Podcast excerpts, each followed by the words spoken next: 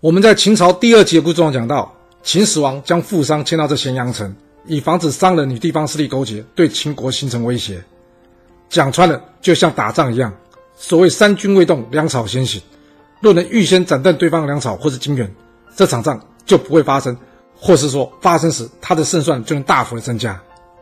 从古到今，国君不断的打压商人地位，怕的就是这些灵活头脑以及他们手中的资源对政权形成了一种威胁。